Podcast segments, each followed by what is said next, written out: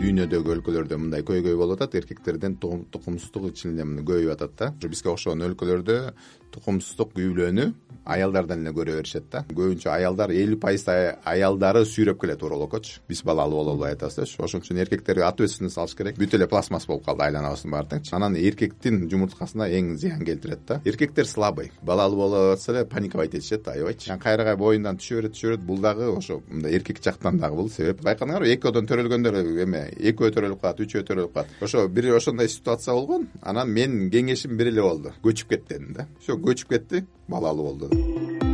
Ачык тайм подкасты ачык тайм подкасты бул ачык тайм подкасты бүгүнкү тема эркектердеги тукумсуздук көйгөйү уролог нурбек моңолов менен жигиттердин балалуу боло албай жүргөн себептерин эко же жасалма уруктануу үчүн талаптар кыргызстандагы тажрыйба каражат жөнүндө кеп кылабыз.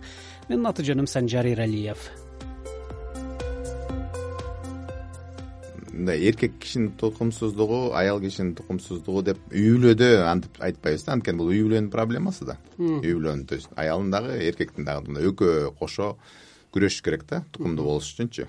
Мисалы үйгө күйөөсү күнөөлүү болсо күйөөсүн эле күнөөлөп жата бербей же аялы күнөөлүү болсо аялын эле күнөөлөп жата бербей бул эки кишинин милдети да бул эме менен күрөшкөнгөчү ошон үчүн тукумсуз үй бүлө деп атайбыз да. Мындай үй бүлө болгондон кийин эки киши күрөшүш керек да. Бирөө эле аракет кыла берген болбойт да. Ошон үчүн мындай үй бүлө деп проблеманы көрөбүз да? Э, бирок мен бүгүн сизди эркектердин тукумсуздук көйгөйүн талкуулаганга чакырдым. Суроолорду деле ошого жараша түзгөм. Туура болбой калдыбы анда жок туура эле э, биз мындай бөлүп алсак болот да. Анткени биздин өлкөдө ошо бизге окшогон өлкөлөрдө тукумсуздук үй бүлөнү аялдардан эле көрө беришет да. Аялдарын алмаштырып элечи. Төрөбөй атса аялына көбүрөөк күч келет да. Аял эле гинекологдордо жүрөт. Дарыланып эле жүрүшөт тиги кайнене кайнаталары напрягать этишет дегендей. Бирок э, бул элүүгө элүү да.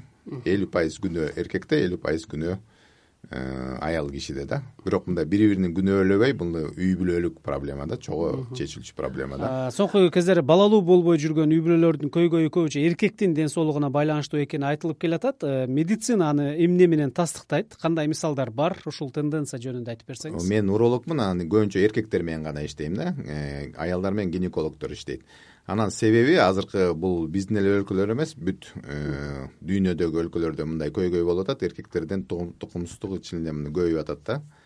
Пайызычы анан себеби теориялар көп.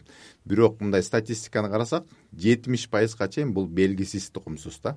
Белгисиз билбейбиз эмнеге эмнеге билбейбиз? Жетимиш да мисалы он киши он үй бүлөнүн э, тукумсуздук үй бүлөнүн жетөөсүн билбейбиз себеби. Себеби анык эмес. билсек жакшы да мисалы варикация эле болобу жумурткасында бир башка проблема болобу аны дарылап операция кылып оңосок болот. Жетимиш пайызын билбегендиктен эми жетимишке чейин да кээ бирлөр отуз пайыз дейт кээ бирөө жетимиш дейт ну эң максимальный жетимиш пайызга чейин биз билбейбиз аны кантип дарылайбыз и себептери азыр уже мындай билине баштады. Бул э, мисалы э, теория бисфенол а деп коет. Жанагы пластмасс изделиялар бар го бизде. Азыр көрдүңөр э бүт эле пластмасс болуп калды айланабыздын баары теңчи жанагы сантехника трубанын баарын пластмасстан кыла баштадык еще арзан.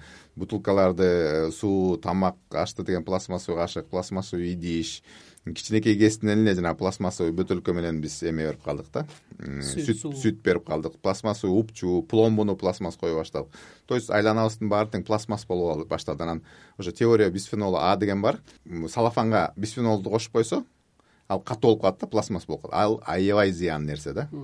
Анан бизге окшогон мисалы э, канада японияга окшогон өлкөлөрдө пищевой тамак менен э, мындай катнашкан нерселердин баарын андай пластмасстарды запрещать этип койгон да. Кагаз болуш керек же кач болуш керек же болбосо башка материал болуш керек да. И биз ошо биз мисалы эми кытайдын материалдарын жамандагым келбейт алар деле жакшы сапаттуу бар. Бирок биз эң арзанын сатып алып труба коебуз. Эң арзан мисалы тамакты дагы столовойларга жана на вынос болобу же болбосо үйдөн экономить этип пластмассовый тарелка ошонун баары тең бизге аябай зыян анан эркектин жумурткасына эң зыян келтирет да.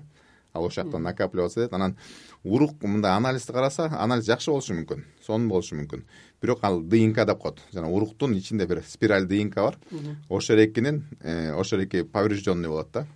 Аны менен даже балалуу болушу мүмкүн бирок жанаг привычный выкидыш дегенди угуп атасыз кайра кайра боюнан түшүп калгандарды ошолор ошол себеп да. Анан кайра кайра боюндан түшө берет түшө берет бул дагы ошо эркектин дагы мындай эркек жактан дагы бул себепчи. Эркектин дагы мындай күнөөлүү десек болот да. И анан э, продуктыларыбыз тамак ашыбыздын баары нан болобу чай болобу башка помидор самидор болобу. Ал дагы жанагы удобрениялар тоже химический теория да? Удобрение перевозка хранение ошонун баары тең зыяндуу болуп атат да. Анан бизде эме жок да. Э, жанагы америкага окшогон же башка өлкөлөргө окшогон ошо качествону требовать эткен. Лабораторияда жок анан э, э, изилдей албайт дагы да. Мындай даже оюна дагы келбейт окшойт биздин чоңдорго деген ошондой бар да. Эми ал оюна берип койсо дагы жаман аны ал требовать этиш үчүн ошончолук условия создавать бериш керек. Ал биздин негизи бул социальный дагы проблема да. Тукумсуздукка экологиялык гана эмес экономикалык социалдык көйгөйлөр көбүрөөк таасир берип калган турбайбы? Цивилизация өскөн проблема анан э, нецивилизованный өлкөлөрдүн проблемасы да. То есть биздин организаторлор да э, туура ошо элди ойлоно албаса мындай азыр элди кантип ойлоп атат айлыгын көбөйтөлүк деп ошо э, ден соолуктук коопсуздугун дагы ойлош керек да. Ал үчүн терең чоңду көргөн кишилер э, мындай решенияларды принимать этиш керек да. Ал жөнүндө азыр ойлонгонго бизде мүмкүнчүлүк жок го дейм азыр ачык тайм подкасты. Ачык тайм подкасты. Эркектерде сперматозоид проценти канча көрсөткүчтө болсо бала алуу болбойт? Керектүү проценттин көрсөткүчү канча мындай да урук э, анализде урук аябай көп да. Анан э, всемирный организация здравоохранениянын классификациясына биз таянабыз. Аяктан бир миллилитрде бир миллилитрде он беш миллион болсо жетиштүү да балалуу болгонго. Бул здоровый эркек болуп эсептелет да. Бирок жүз миллион болсо дагы миллиард болсо дагы балалуу болбой калышы мүмкүн проблема болушу мүмкүн. Андан аз болсо дагы төрөй бериши мүмкүн да. Бул индивидуально да бирок мындай ошо таянсак он беш миллион в одном миллилитр бир миллилитрде он беш миллион болсо ошол жетиштүү. Анан алдыга кыймылдаган урук эле жанагы бала кыла алат да алдыга ошонун арасынан карайт да. Ошо он беш миллиондун арасынан карап алдыга поступательно мындай алдыга жылган уруктар да. Анан кээ бирөө ордунан чимириле берет кээ бирөө качеледе болуп чимириле берет. Алар бала кыла алышпайт алдыга жылган эле уруктар ошол элүү пайыздан көп болуш керек да. Анан башка дагы показательдер бар бирок эң главный показатель ушул экөө да демек элүү пайызга жетпесе аны балалуу болуу мүмкүнчүлүгү аз. Жок биз ойлонушубуз керек да. Ар болушу мүмкүн. Кээ бирөө деген мисалы бир случай болгон менде. Жети миллион экен эми норма деген он беш анда ал кезде деген башка классификация болчу жыйырма миллиондон болчу анан мындай о балалуу болуш кыйын го деп койсом анын балдары бар экен да. Э, анан э, аялына барып мындай эме кылыптыр да жаман сөздөрдү сүйлөптүр сен менин балдарым эмес экен депчи андай болбойт. То есть эки миллион деле беш миллион менен деле болушу мүмкүн. Ал деген ошо аялдын воспринимать эткен анан эркектин ошо аз болсо дагы аябай качественный болот да. Мындай ар кандай да биз мындай ойлонуп иш кылышыбыз керек. Бирок ушу божомол таянуучубуз он беш миллион элүү пайызы алдыга жылган уруктар болуш керек. Ошол процентти көбөйтүүнүн кандай ыкмалары бар? Дары дармектен таблеткадан башка. Э, э, эми да дары дармек таблеткаларды бул специалист менен уролог менен э, кеңешиш керек да ансыз муну эфирден айта албайбыз. А бирок жанагы классика здоровый образ жизни да ден соолуктуу болуш керек адам. Туура тамактаныш керек лишний вес болбош керек мына свежий воздух. Мисалы могу бишкекте аябай кир воздух болбодубу. Көп изилдөөлөр бар ушундай кир воздух шаарларда уруктук дагы проблема болот жана эрекция боюнча дагы эркектик проблемалар аябай күчөйт да. Мындай да адам деген жабы мындай защитабыз бар да кожабыз бар дем алганыбыз бар өпкөбүз эметип турганчы бирок ошо бизге кирген нерсенин баары жакшы болуш керек да. Любой э, жашылча жакшы да. Жашылчанын баары жакшы эт жакшы мучной изделие сахарлар э, сахар мучной изделие анан туздалган нерселер кичине зыяныраак да. Калганын баары тең анан көп эмес да. Анан убактысы дагы көп эмес анан убактысы дагы важно үч жолу күнүнө убакыт негизи могу стабильность аябай важно да. Мисалы завтрак бир убакытта обед бир убакытта ужин бир убакытта. Анан полдникче болсо э, кошуп койсо болот эгерде анча чыдап алса. Бирок алар мындай көп болбош керек да. Майлуу тамак болбош керек. Эркек э, үйлөнгөнгө чейин же медициналык кароодон өткөнгө чейин эле балалуу боло албоо көйгөйүн байкай алабы? Кандай симптомдору көрүнүштөрү болот? Э, байкай алат эми мындай опыт келген сайын көрө баштайсың да оорулардычы өзү мисалы өспүрүм жаштан өткөндөн кийин э он алтыбы он жети болгондон кийин эгерде мисалы жыныстык мүчөсү кичинекей болуп атса жумурткалары кичинекей болуп атса э, могу чач деп коебу түк. Э, түк э, тиги жыныстык түктөрү чыкпай атса бул ойлонуш керек да. Анан өспүрүм деле бизде бала да бизде жыйырма беш отуз жаштагы деле мындай кичине честно говоря биздин элибиз кичине инфантильныйраак да байкашпайт да өзүнүчү. Ошон үчүн ата энесине дагы бул э, жүк да. Ата энеси байкаш керек. Эмнеге менин балам он алтыга чыкты? Бирок сакалы өспөй атат э, түктөрү чыкпай атат чыйпылдап сүйлөп атат э, кыздар менен сүйлөшпөй атат деп мындай эметип турат. Анан лишний вес өзү мындай лишний вес дагы мындай эстрогенный балдар деп коет. Мындай бултуйган бултуйган балдар барго ошолор дагы кичине коопсуздукту анан генетический оорулар да бир э, наследственный оорулар менен оорушат го ошонун баары тең э, коопсуздукту алып келет да ошолордун бир себептери болушу мүмкүн да. Анан жумурткасы бир жумурткасы мисалы чоң болсо же кичинекей болсо мындай экөө окшош болуш керек да эми бир жумуртка кичине ылдый болуп турат нормадачы бирок бирөөсү чоңураак же бирөөсү кичинеирээк же бирок кызыл шылып мындай нормадан тең эмес көрүнүп атса ал дагы кайрылуугараак да. Анан көп көбүнчө айыл жерлерде жана заара кылганын дагы байкашпайт заараны деген э, жыныстык мүчөнүн э, учунан заара кылабыз э баары анан кээ бирөө болсо алдынан ортосунан даже аласынан заара кылгандар бар да ошол кандай ал? Аномалия развития деп коет гипосподия деп коет биз э, жыныс мүчөнүн учунан заара кылабыз да. Кээ бирөөнүкү мына головчатый деп коет ылдый жагынан. Кээ бирөөнүкү столовой деп коет ылдый ылдыйраак да эмесинде. Кээ бирөөнүн даже аласында болот да заара кылган каналчы. Ошондой генетический ооруларды дагы байкап негизи ошо башынан эле э, ата энелерге кеңеш берет элем педиатрларга көргөзүп туруш керек да. Жыныстык коопсуздук дагы көргөзүп туруш керек да. Көргөзгөндө жөн эле алар өпкө жүрөгүнүн анализине эле карап койбой. Э, карабай атса врач карабай атса эми убактысы жок да анда айтыш керек. Могу жыныстык э, мүчөлөрүн дагы карап коюңузчу эмне болуп атат деп эметиш керек да жыныстык мүчө кичинекей болсо деп айтып кеттиңиз. Ал деле бир себеппи. Эми кичик деген дагы мындай относительный понятие да. Эми мындай көрүнөт да не норма кичинекей аябай кичинекей болуп атса значит бирдемеси өспөй атат значит бир жеринде сдвиг кетип атат. Бирок э, келбети кадыресе көрүнгөн э, сакал муруту бар жигиттерде мисалы түк деп атпайсызбы? Деним сак деп эле айтып жүргөн жигиттердин балалуу болбой маселеге кабылып жүргөнүн көрүп атпайбызбы? Жок айтпадымбы жетимиш пайызга чейин бул идиопатический белгисиз себептер да. Э, белгисиз. Ошон үчүн алар келиш керек да. Э, эгерде коопсуз болуп атса үйлөнгөнгө чейин урологко келип текшерилип алса болот. А так э, үйлөнгөндөн кийин биздин классификация боюнча бир жылдын ичинде мүмкүнчүлүк берилет да бир жылдын ичинде чогуу жашаса чогуу жакшы постоянно катнашып турса бир жылдан кийин биз э, дарылай башташыбыз керек. Бир жыл болбоду анда биз э, бизге келиш керек. Анан биз дарылап бир жыл убакыт беребиз да дарыланбай деле койсо болот да. Всемирный организация здравоохранения үч жыл берет да. Алардын оюнча үч жыл бири бирине көнбөй деген убакыты бар да. Эми бизде деген билесиңер да үйлөнгөндөн кийин бир эки айдан кийин эле ата энеси туугандары достору сурай баштайт да. Ошон үчүн паниковать этип эле келе беришет. А так бул көнгөнгө чейин биз негизи бир жыл убакыт беребиз да бири бирине көнгөнгө чейин. Ачык тайм подкасты. Ачык тайм подкасты эми медициналык диагностика жөнүндө айтып берсеңиз балалуу боло албай жүргөн жигит дарыгерге барат көйгөйүн айтат. Андан ары диагностика кылуу кадамы кандай? Эми мындай. Ошо пациенттерге айтат элем э, ачык айтыш керек да. Кээ бирөө келип алып эле бир жерим ооруп атат деп эле башка жактан айтып алып анан балалуу болбой атам деп айта албай эле кайра кетип калышат да. Көп пайыз элүү пайыздан э, көбүрөөгү бул аялдар ээрчитип келет да аялдар более ответственный да более өзүнүн үй бүлөсүнө өзүнүн ден соолугуна более ответственный. Анан гинекологко бара беришет анан гинеколог айтат сен өзүң эле э, диагноз кое бербей изилдей бербей тиги күйөөңдү дагы жибер депчи. Анан көбүнчө аялдар элүү пайыз аялдары сүйрөп келет урологкочу биз балалуу боло албай атабыз депчи ошон үчүн эркектерге ответственность алыш керек. Коркпой тартынбай эле э, мен э, биринчи главный эчтекеси деле ооруган жок да. Мен балалуу болбой атам деп эле ачык эле келип айтыш керек анан э, уролог изилдөөлөрдү тизмесин жазып берет. Эң главный тизме бул урук урук тапшырат да. Төрт күн катнашпай туруп урук тапшырат. Урукту эки жол менен тапшырат. Бул мастурбация жолу менен анан прерванный половой акт деп коет аял менен келип туруп бирок жанагы пробиркага уруктукту түшүрүш керек да анан бул үчүн э, ошо клиникаларда шарт болот жакан шарт болот. Азыр частный клиникалар толтура жакшы шарттар бар кино журналдар менен шарттар бар да бүтүп комнаталар бар.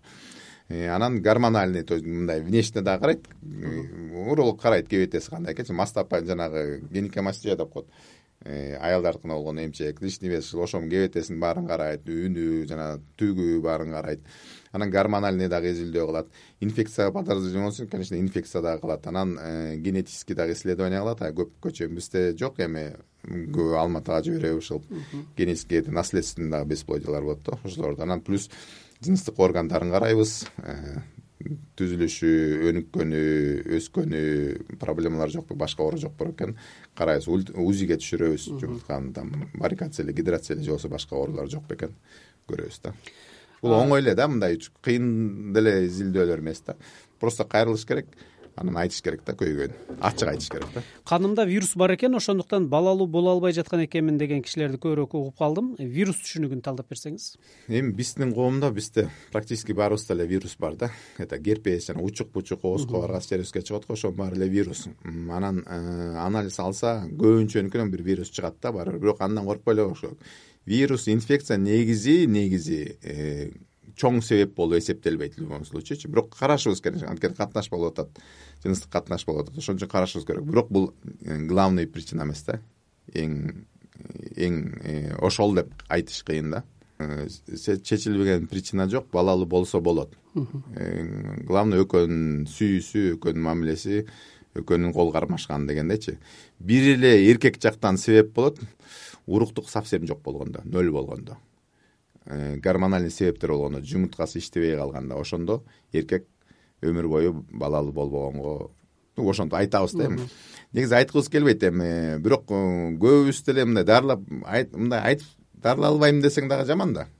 Аны деген ага надежда дагы бериш керек да ошол. Бирок мен өзүм лично айтам да сиздики балалуу болгонго бир беш он жыл шанс жок деп эле айтам да. Уруктук нөл болгону деген кандай? Жидкость суюктук чыгышы мүмкүн бирок ичинде бир дагы урук жок. Мындай кыймылдуу жандуу кыймыл. Эч бир дагы жан жок да жөн эле суу эле чыгат да. Ошол убактар ошол эң жаман нерсе да. Бирок эмеси бар дарылануучу түрү бар анан дарыланбаачу түрү бар. Жумуртка иштебей калса бул эң жаман да. Э, секреторный бесплодие деп коет э, ал болсо чын эле мындай шанс аябай азаят да. Бирок эми кээ бирөө мындай он жыл бул аябай жыйырма жылга чейин лечение кылып дарылаш керек болуп калат да ошол бизге кыйын суроо да ошону биз кантип чечерибизди мисалы билбейбиз да. Мисалы ас болсо кичине болсо башка эко деп коет э, э башка технология жаңы технология менен балалуу болсо болот. А бирок абсолютно жок болгон бул эң чоң көйгөй да азыркы заманга чейин. Жасалма уруктандыруу бул азыр заманбап медицинада кадыресе көрүнүш болуп калды. Кыргызстанда деле жасалма уруктандыруу ишке ашырылабы жана ал канчалык сапаттуу эми мындай да ошо эко да экстракорпоральный оплодотворение деп коет. Э, или вспомогательный репродуктивный технология деп коет же болбосо жасалма неден жасалма уруктандыруу э, дүйнөлүк статистика боюнча жыйырма беш эле процент шанс бар. Мисалы ошого бардыңар да э, ошого бардыңар. Бирок дүйнөлүк статистика боюнча жыйырма беш эле пайыз результат берет да калганыкы болбой калат кыргызстанда бар мен угуп жүрөм бирок точно билбейт экенмин результаттарын дагы билбейт экенмин э, а бирок э, мисалы эң успешный биздин жаныбызда алматада ар кайсы жерге дагы барышат. Бирок э, баарын эле айтам тиги койт каяка барасыңар. Жыйырма беш эле пайыз шанс бар. Ал мындай да эркектин уругун алып туруп аялдын яйца клеткасынан эме оплодотворять этип коет мындай экөөнү тең аялдыкын эркектикин чыгарып туруп кое берип коет анан жанагы яйца клетканын ичин оплодотворять этип коет ичине киргизип коет да мындай бала кылып коет да анан кайра ининин курсагына салып коет. Байкадыңарбы экөөдөн төрөлгөндөр эме экөө төрөлүп калат үчөө төрөлүп калат. Анткени көп көп яйца клетканы оплодотворить этип салышат да. Анан баары тең эме жабышып калышы мүмкүн анан баары тең төрөлүп калышы мүмкүн да. Ошон үчүн экодан кийин жанагы беш алтоо төрөлгөнгө чейин барат да. Баасы кандай негизи сиз билесизби бааларын баасы мурун абдан кымбат болчу. Төрт беш миң доллар анда бизде жасалбачу алматаларда жасалчу азыр болсо мисалы кошуна кыргызстандыкын билбейт экен кошуна өлкөлөрдө миң доллардан өйдөрөөк да. Миң долларга деле жасатса болот да азырчы. Мурункудай беш миң эмес азыр миң долларга деле примерно жасатса болот. Эми ал деген ошо аял кишинин анан эркек кишинин ден соолугунан дагы да. Мисалы дополнительный дарыларды гормональный бир поддержка керек болсо анда кичине кымбатыраак.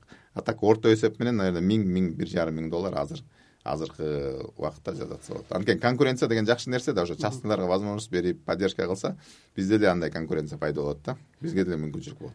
Сизге мисалы келгендердин арасында көп элеби мисалы мен жасалма уруктандыруу кылмакмын дегендер? Негизи көп ооба көп. Мисалы бизкилер паниковать эте берет да бир жылда болбой калдыбы ошону кылабыз деп. Эми азыр дагы кичине элде акча барлар сразу жасар эми ал деле мындай да. Ал деле жакшы нерсе балалуу болуш керек да. Бирок ал э, ошо жасалма балдар будущий кандай экен азыр изилдөөлөр жок да. То есть бул деген жыйырма отуз жылдык эле историясы бар да. То есть отуз жашында эмне болот кырк жашында эмне болот изилдөөлөр аз да. Ошол жасалма уруктандыруу үчүн кандай мындай юридикалык медициналык талаптар керек бар? Юридикалык талаптар жок. Э, информированный согласие деп коет. Экөө уруксаат бериш керек. Э, болгон осложнениялар да бул деле операция да бул кичинекей болсо дагы операция анан коопсуздук бар. Ошол эле кадимкидей жөнөкөй операция болгондой эле уруксааттарын берип өздөрүнүн желаниясы анан акча маселе да бул все равно кымбат процедура да. Мисалы недавно эле бир телевизордон көрдүм. Бир э, ошо оорулуулар врачтарды күдөлөп атыптыр да. Акчаны алып алып анан результат болбой калды депчи. Эми бул мен тияк тарапты же бияк тарапты болушкум келбейт. Бирок ошо финансовыйга дагы макул болуш керек да мисалы канча акча билбейм? Миң долларга сүйлөштүңбү беш миң долларга сүйлөштүңбү аны жоготуп ийгенге даяры болуш керек да. Результат жыйырма беш эле пайыз.